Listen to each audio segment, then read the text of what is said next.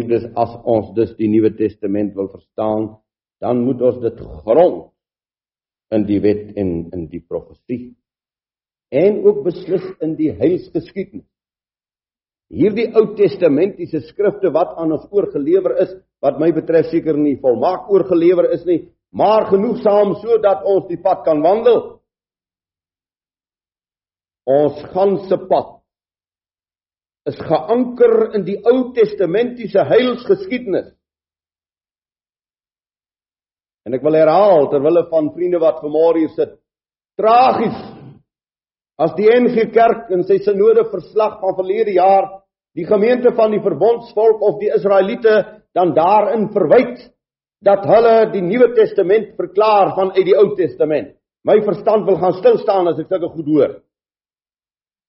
As ons dan die Nuwe Testament wil verstaan, dan moet ons dit grond in die Ou Testamentiese skrif. Yeshua sê hierdie geweldige woord wat 'n mens laat sidder.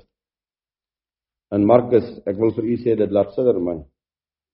In Markus 4 vers 11, u kan maar luister en hy sê vir hulle: "Aan julle is dit gegee om die verborgenheid van die koninkryk van God te ken. Maar vir hulle wat buite is, kom alles deur gelykenisse. Sodat hulle kan kyk en kyk en nie sien nie en hoor en hoor en nie verstaan nie dat hulle nie miskien bekeer en die sondes hulle vergewe word nie. Ek sê aan daardie goeie vriend, ek sê vir hom, die kerk vergeestelik die beleid uh, die gelykenisse. Hulle vergeestelik dit. En 'n gelykenis 'n Gelykenis is iets wat werklik bestaan wat net in beeldvorm vir jou deurgegee word. Yeshua het gesê niemand kan iets aanneem as dit hom nie van bo gegee word nie. Niemand van ons kan die waarheid van die goddelike woord aanneem as dit hom nie van bo gegee word nie.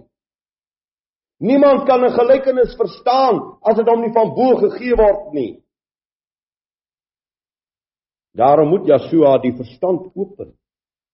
En lees ons dit in die skrif. Hy het hulle verstand geopen sodat hulle kan verstaan wat hy praat. Op my pad staan ek altyd voor my Vader en ek pleit, open my verstand dat ek u woord kan verstaan. Want dit gaan oor hierdie woord. Hy sê vir ons ek sal julle nie oordeel. Maar elke woord wat uit my mond uitgegaan het, sal julle oordeel. So een ek moet die woord kan verstaan. Geliefdes, ek wil dus begin om weer hierdie pragtige gelykenis in te bind in die geskiedenis, in die heilsgeskiedenis. En daarvoor blaai ek na 2 Kronieke 28. Want Yeshua het niks nuuts kom leer nie. Hy kom leer wat daar reeds geskrywe staan. Paulus het niks nuuts kom leer nie. Wanneer Paulus 'n sektariër genoem word in Handelinge 24 lees ons dit. Hou voor man van die sekte van die Nasareëners. Dan sê hy, die weg wat julle 'n sekte noem vers 14 in Handelinge 24 is niks anders dat ek die God van my vaders aanbid en my by al sy wette en sy profete hou nie. So Paulus het niks anders gepreek as wet en profeet nie. Baie mense verstaan hom nie omdat hy vir sy tyd uh praktiese raadgewinge gegee het, maar u moet gaan onderskei tussen Paulus se praktiese raadgewinge vir sy tyd en wanneer hy met profesie en met skrif besig is. Ek lees daarvan af die 8ste vers 2 Kronieke 28 en die kinders van Israel het van hulle broers 200 000 vroue seuns en dogters as gevangenes weggevoer en ook 'n groot buit van die van hulle geroof en buit na Samaria gebring. Jy moet nou mooi luister wat hier staan. Israel is die, word hier uitgebeeld as die 10 stammeryk en Juda en toe het hulle nou gaan oorlog voer teen Juda en toe het hulle nou hierdie verskriklike ding gedoen. Hulle toe nou van hulle eie broers, van die kinders van Israel het hulle broers 200 000 vroue. Nou bring hulle hulle daar uit die uit die koninkryksgedeelte van Juda na die land Samaria om van hulle slawe te maak. Nou lees ek maar vanaf vers 11 Luister dan nou na my en laat die gevangenes wat julle van julle broers weggevoer het teruggaan. Want die toorngloed van Jawe is op julle. Toe het daar manne uit die hoofde van die kinders van Ephraim opgetree teen die wat uit die stryd kom.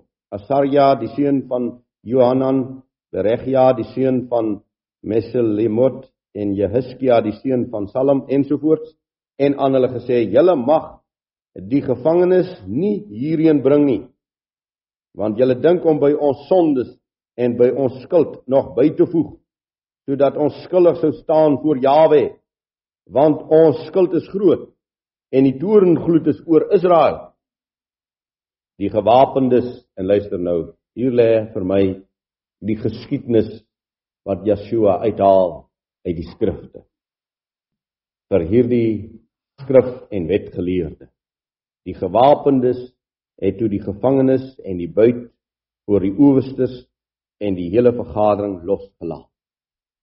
En die manne wat met hulle naam aangewys was, het opgestaan en die gevangenes ondersteun en al die naaktes onder hulle uit die buitklere aangetrek en hulle het aan hulle klere en skoene gegee en hulle laat eet en drink en hulle gesalf en almal wat moeg was op esels vervoer na Jerigo die palmstad by hulle broers gebring. Daarna het hulle na Samaria teruggegaan. Wie het hierdie daad gepleeg? Samaritane. Inwoners van Samaria doen hierdie daad. Hulle doen hierdie aantrek van klere, van skoene. Hulle doen die salwingswerk. Hulle maak wil vir hulle gesond hê, Hulle laai hulle op esels en hulle vat hulle terug na die palmstad Jerigo wat nie baie ver van Jerusalem af was nie. So dit gee vir ons weer die basis geskiedenis want ons sê ons verlosser het niks anders verkondig as die skrifte nie. En hy staan voor 'n skrifgeleerde, voor 'n wetgeleerde wat probleme het. Wat in sy tyd probleme het oor sy siele redding en oor die wet van God. En sy probleem, geliefdes, van soveel eeue gelede is vandag nog net so 'n groot probleem. Wat moet ek doen om die ewige lewe te beerwe?